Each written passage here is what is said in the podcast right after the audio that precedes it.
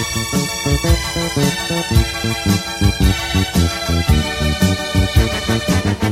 you.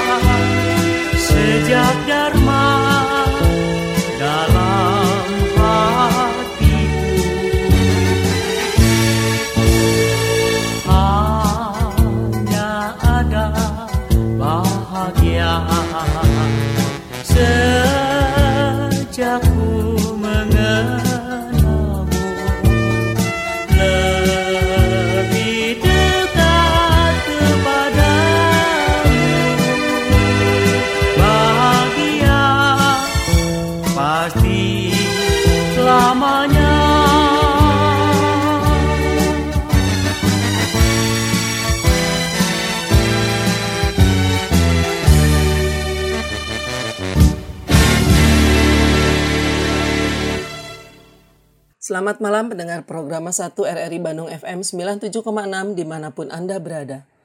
Namo Sang Hyang Adi Budaya, Namo Budaya.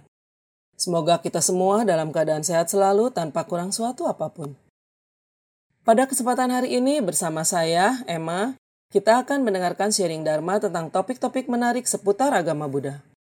Sharing Dharma pada malam hari ini akan disampaikan oleh Profesor Toto Winata, PhD, Profesor Toto Winata adalah pandita dari Majelis Budayana Indonesia Provinsi Jawa Barat. Beliau lahir di Jakarta dan menyelesaikan pendidikan sarjana fisika di Institut Teknologi Bandung pada tahun 1985. Beliau kemudian melanjutkan studi di Murdoch University Australia masih pada bidang yang sama. Saat ini beliau juga aktif sebagai dosen agama dan etika Buddha di Institut Teknologi Bandung dan Institut Teknologi Sumatera. Pada kesempatan malam hari ini, beliau akan sharing mengenai topik praktek 8 jalan utama di zaman now. Langsung saja kita simak sharing Dharma dari Profesor Toto Winata. Selamat mendengarkan. Namo Sang Hyang Adi Budaya. Namo Budaya. Pendengar program 1 RRI 97,6 FM yang budiman. Selamat malam. Semoga semuanya selalu dalam keadaan sehat dan dalam lindungan Tri Ratna, Buddha, Dhamma, serta Sangha. Pada kesempatan yang berbahagia ini, saya ingin berbagi lagi pengalaman Dhamma melalui acara siaran Ruang Agama Buddha Pro 1 RRI 97,6 FM Bandung. sekitar 2564 tahun yang lalu, Buddha Gotama menyampaikan khotbah pertamanya kepada lima orang pertapa. Kondanya, Wapa, Badia, Mahanama, dan Asaji di bulan Asalha yang kemudian dikenal dengan Dhamma Caka Pawatana Sutta yang dibabarkan di Taman Rusa Isi Patana. Yang kemudian hari peristiwa tersebut kita peringati sebagai Hari Asada yang biasanya jatuh di bulan Juli. Khotbah pertama ini berisi tentang empat kebenaran mulia yang berlaku sepanjang masa. Kebenaran ini banyak dipraktekkan oleh kita sebagai manusia biasa maupun para manusia dewa, Arya Pugala, manusia yang sudah memasuki arus memasuki jalan maga. Pada kesempatan kali ini, saya akan fokus pada praktek dari empat kebenaran mulia dari sudut pandang manusia biasa atau yang dikenal sebagai putu jana. Baik jika kita mulai dari kehidupan seseorang sebagai manusia biasa, kita sehari-hari mengalami kesenangan dan kesusahan silih berganti. Kesenangan biasanya selalu kita inginkan untuk kita raih, meskipun kita alami hanya sebentar. Sebaliknya, penderitaan berusaha kita singkirkan sesegera mungkin. Kalau bisa, jangan terlalu lama.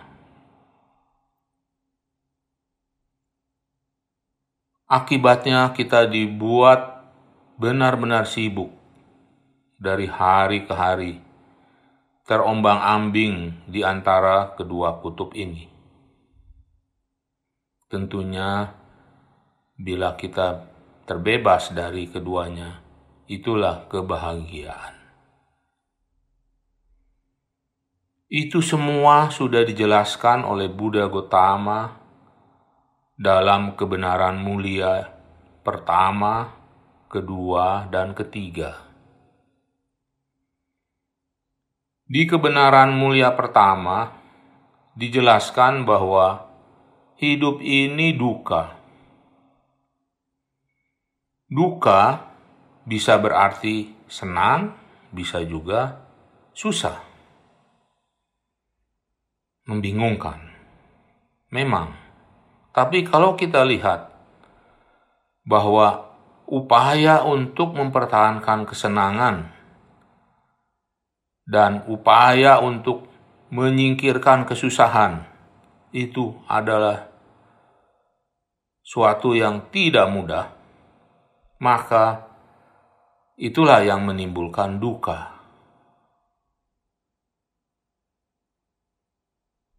Di kebenaran mulia yang kedua, Buddha menjelaskan bahwa duka itu ada sebabnya.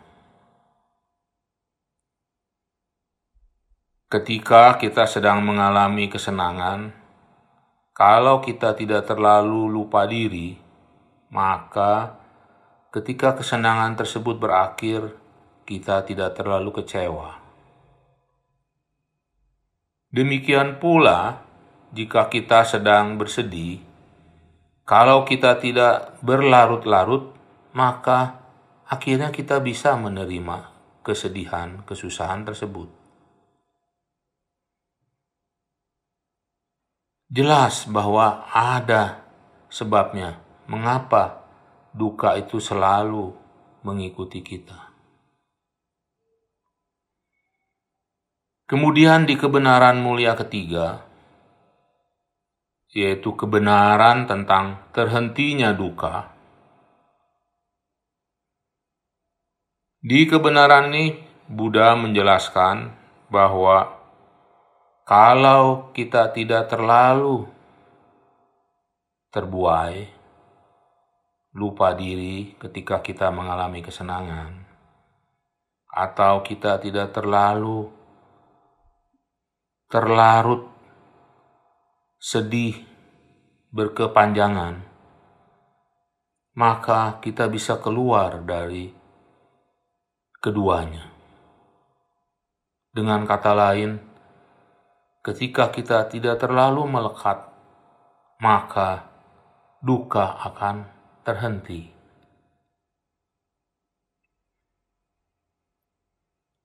Kemudian akan timbul pertanyaan, bagaimana menghentikannya?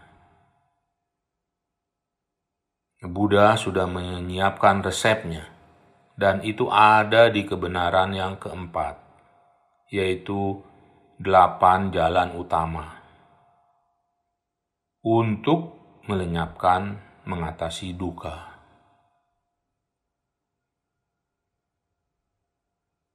Jalan ini biasanya dikelompokkan menjadi tiga, yaitu sila, samadhi, dan panya. Sila terdiri dari ucapan benar, perbuatan benar, dan mata pencaharian benar.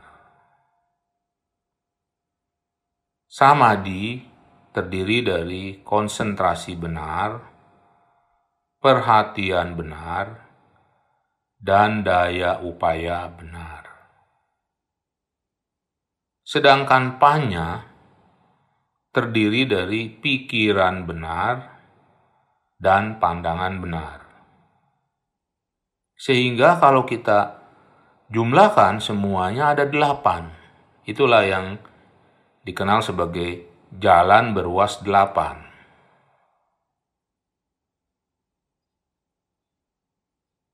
Sederhana sekali. Sila, samadhi, dan panya. Sila itu adalah moralitas. Setiap kita melaksanakan kebaktian, ada satu parita yang selalu kita baca, yaitu Pancasila. Lima sila. Itulah sila. Hanya di sini kita lihat silanya mengandung tambahan satu, yaitu mata pencarian benar yang tidak dijelaskan dalam Pancasila. Samadhi, samadhi juga biasa kita praktekkan ketika kita melakukan kebaktian, yaitu meditasi.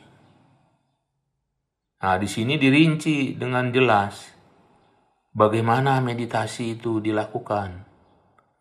Buddha menjelaskan ini dengan konsentrasi, perhatian, dan daya upaya yang benar tentunya.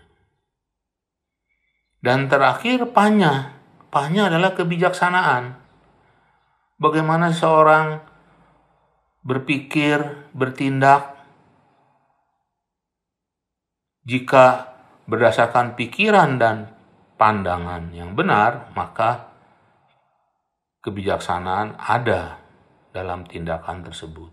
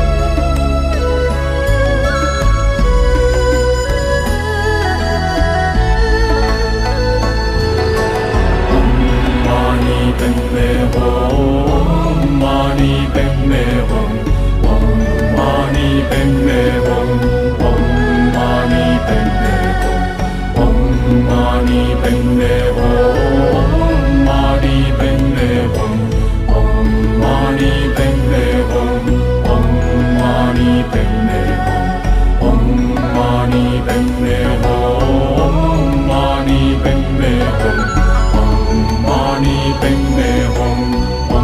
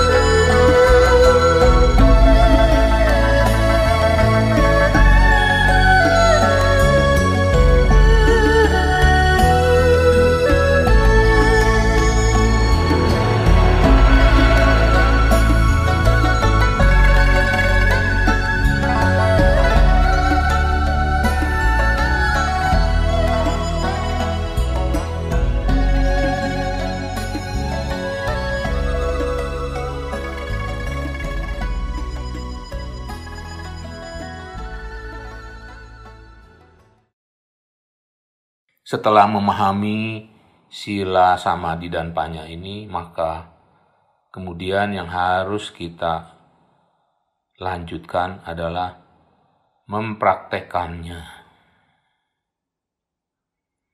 Kalau kita sudah berjanji, walaupun seminggu sekali, yaitu pada saat kebaktian hari Minggu, atau ada orang-orang tertentu setiap pagi kebaktian di rumah,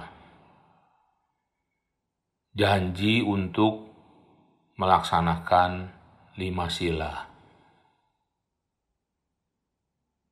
Artinya secara teori kita sudah paham. Yang mungkin perlu dilanjutkan adalah prakteknya. Nah, bagaimana mempraktekannya? Kalau kita mulai dari ucapan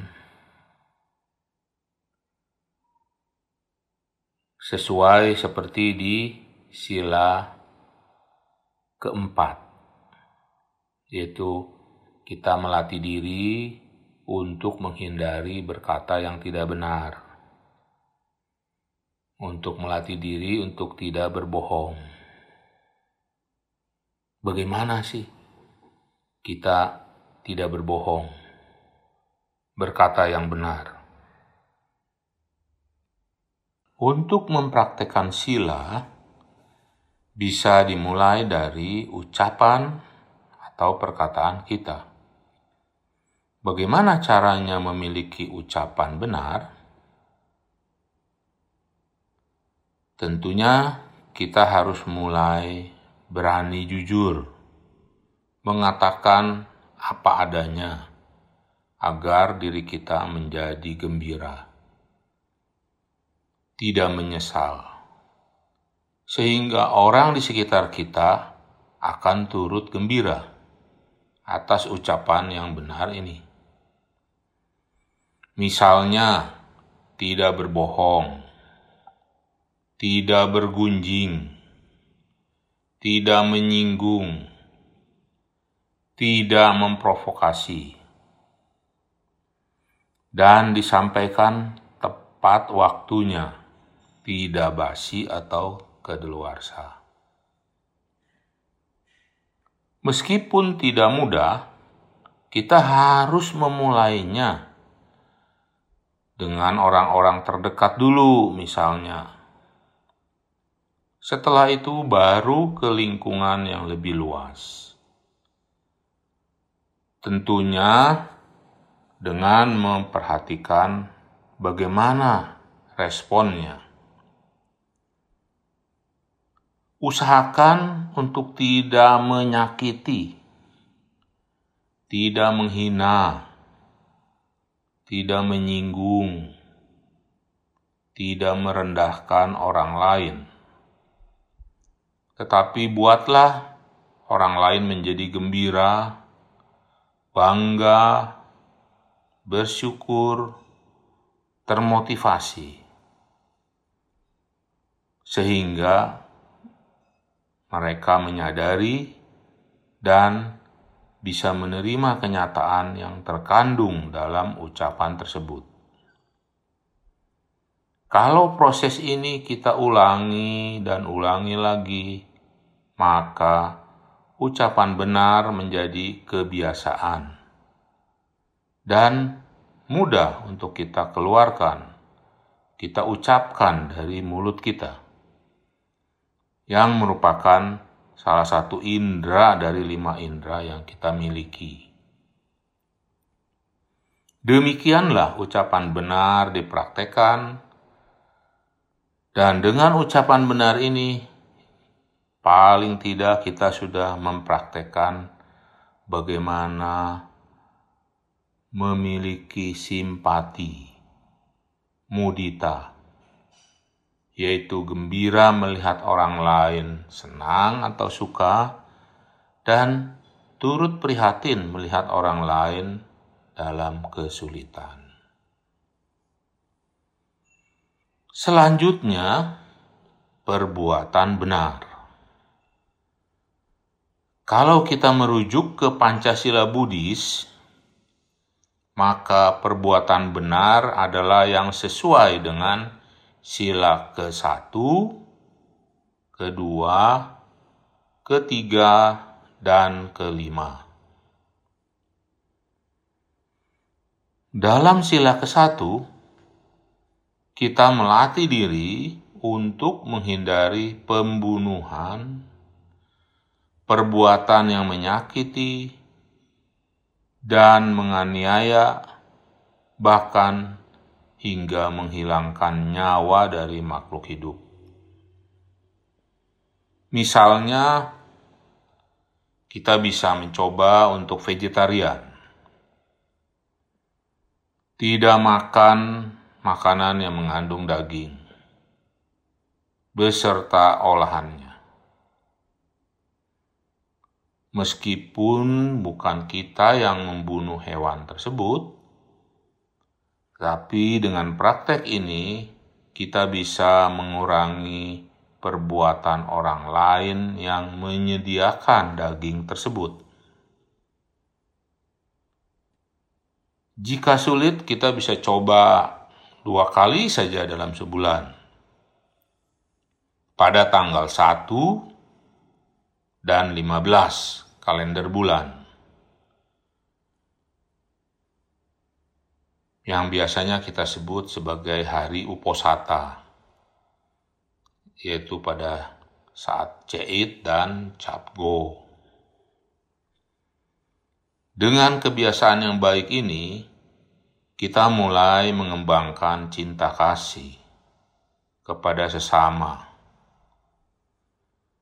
rasa kebencian akan berkurang, dengan otomatis rasa permusuhan dan rasa takut juga berkurang.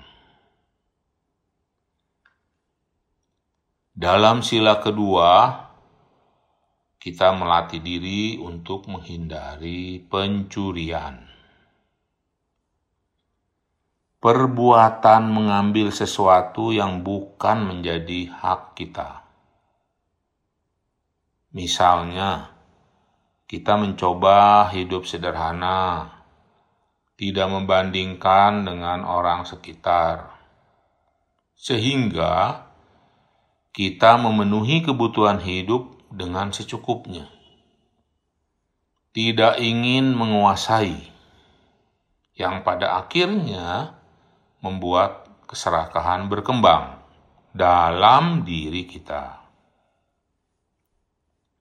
yang membuat kita tentunya tergoda untuk memiliki yang bukan hak kita. Walaupun dengan dali biasanya daripada diambil oleh orang lain yang tidak baik. Di sinilah kita berlatih untuk mengembangkan welas asih, berbagi dengan sesama, agar semua berbahagia. Dengan demikian, hal ini akan mengarahkan kita untuk berusaha meraih tujuan dengan cara yang benar, tidak bypass, hanya mau hasilnya saja. Selanjutnya, di dalam sila ketiga, kita melatih diri untuk menghindari perbuatan asusila. Misalnya, kita menjaga diri untuk puas dan bersyukur dengan apa yang ada, tidak membandingkan dengan yang lain, seperti pepatah rumput tetangga lebih hijau, padahal tidak real ternyata terbuat dari plastik. Untuk itulah rasa syukur dan puas serta kesadaran bahwa segala sesuatu tidaklah kekal akan membuat kita bisa mengurangi kemelekatan maupun keterikatan terhadap bentuk-bentuk pikiran yang penuh nafsu keinginan. Yang akhirnya pengendalian diri kita menjadikan timbulnya perasaan malu untuk berbuat tidak benar. Yang kita sebut sebagai hiri. Dan tentunya takut akan akibat yang akan ditimbulkannya. Yang kita sebut dengan otapa. Terakhir, yang termasuk ke dalam perbuatan benar adalah sila kelima, yaitu menghindari makanan, minuman yang memabukkan, dan menghilangkan kesadaran. Misalnya, mengkonsumsi minuman beralkohol, narkoba yang menyebabkan pelanggaran terhadap sila satu, kedua, ketiga, dan keempat. Biasanya diawali dengan coba-coba dulu, yang akhirnya menyebabkan ketagihan, kecanduan. Oleh karenanya, lingkungan dan pergaulan kita harus diupayakan yang baik dan kondusif. Seperti yang dijelaskan dalam Dhammapada bab 6 ayat 76. Yang berisi seperti berikut. Seandainya seseorang bertemu orang bijaksana, yang mau menunjukkan dan memberitahukan kesalahan-kesalahannya, seperti orang yang menunjukkan harta karun, hendaklah ia bergaul dengan orang bijaksana itu. Sungguh baik dan tak tercelah bergaul dengan orang yang bijaksana. Demikian juga seperti yang dijelaskan dalam Sigalowada Sutta. Dalam kitab Diga Nikaya bab 31 ayat 8 bahwa ketagihan pada minuman keras dan obat-obatan menyebabkan kelambanan, pemborosan uang, pertengkaran, penyakit, kehilangan nama baik, membuka rahasia aib, dan melemahkan kesadaran.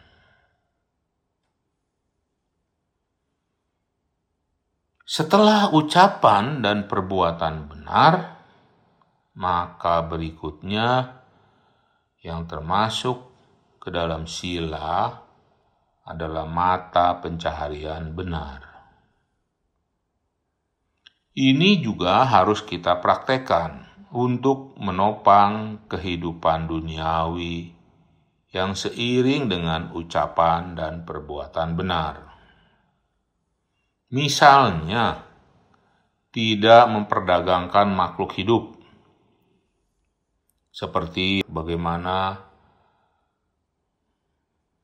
kehidupan seorang artis dieksploitasi.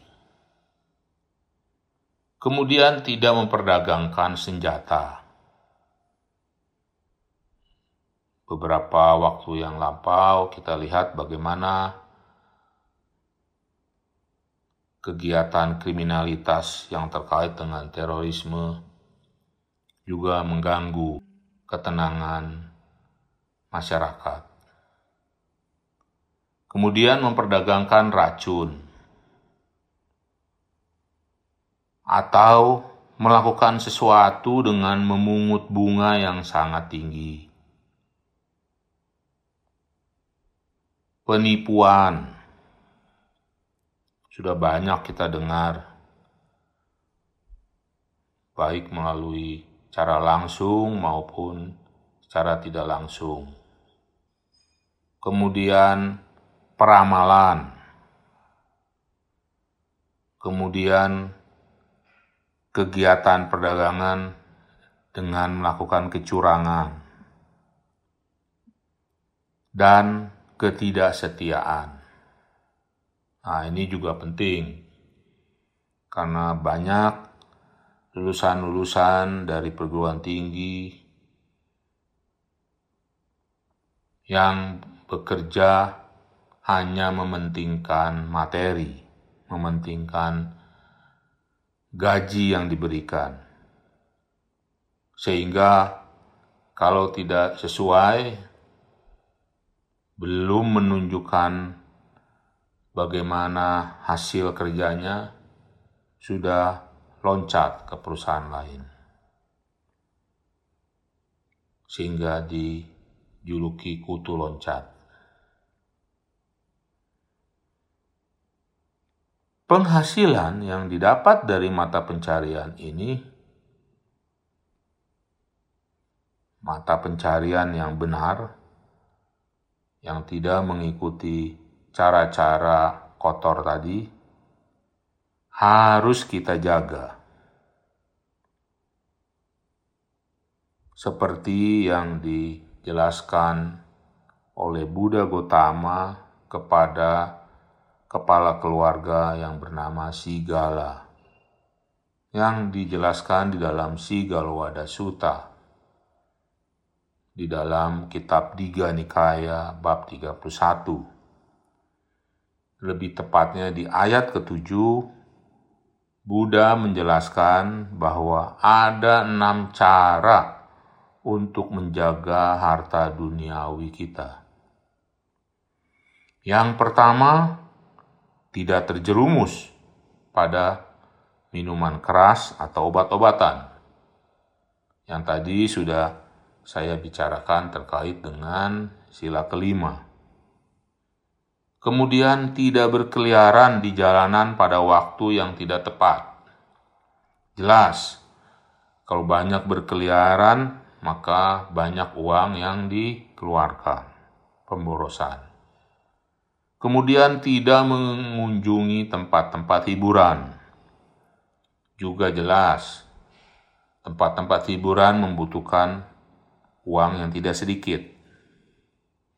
Kemudian tidak berjudi.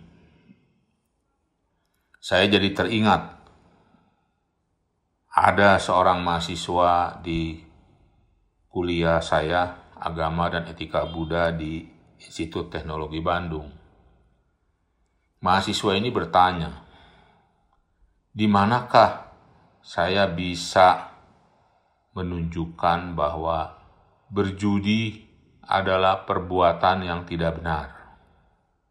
Di dalam Pancasila Buddhis tidak ada. Nah, di sinilah kita lihat Buddha sejak lebih dari 2564 tahun sudah melihat itu dan dengan cinta kasihnya yang luar biasa, Buddha memberikan ajarannya untuk pengikutnya yang berumah tangga bahwa untuk menjaga harta duniawi yang dibutuhkan harus menghindari kegiatan berjudi. Jelas sekali, berjudi ini sangat menghabiskan harta duniawi. Kemudian tidak bergaul dengan teman-teman yang jahat. Ini pun sangat jelas. Kalau kita bergaul dengan teman-teman yang jahat, maka dia bisa mengelabuhi kita sendiri dan akan menghabiskan harta duniawi kita juga. Kemudian tidak malas-malasan. Jelas, kalau bermalas-malasan maka tidak ada hasil yang diperoleh. Demikianlah ucapan, perbuatan, dan mata pencarian benar setahap demi setahap dipraktekkan.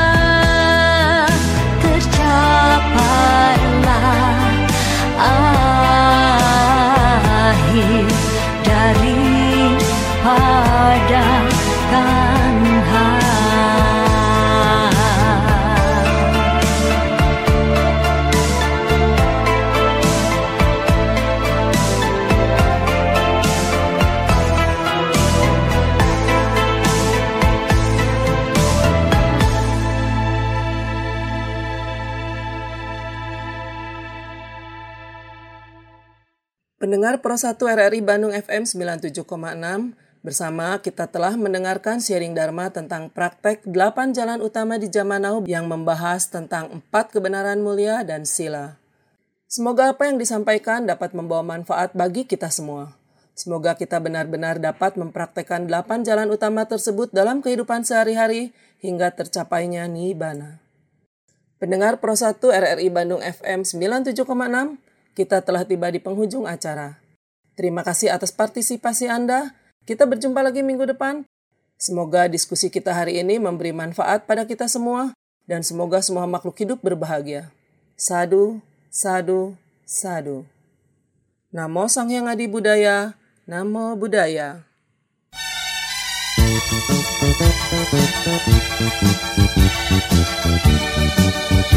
Thank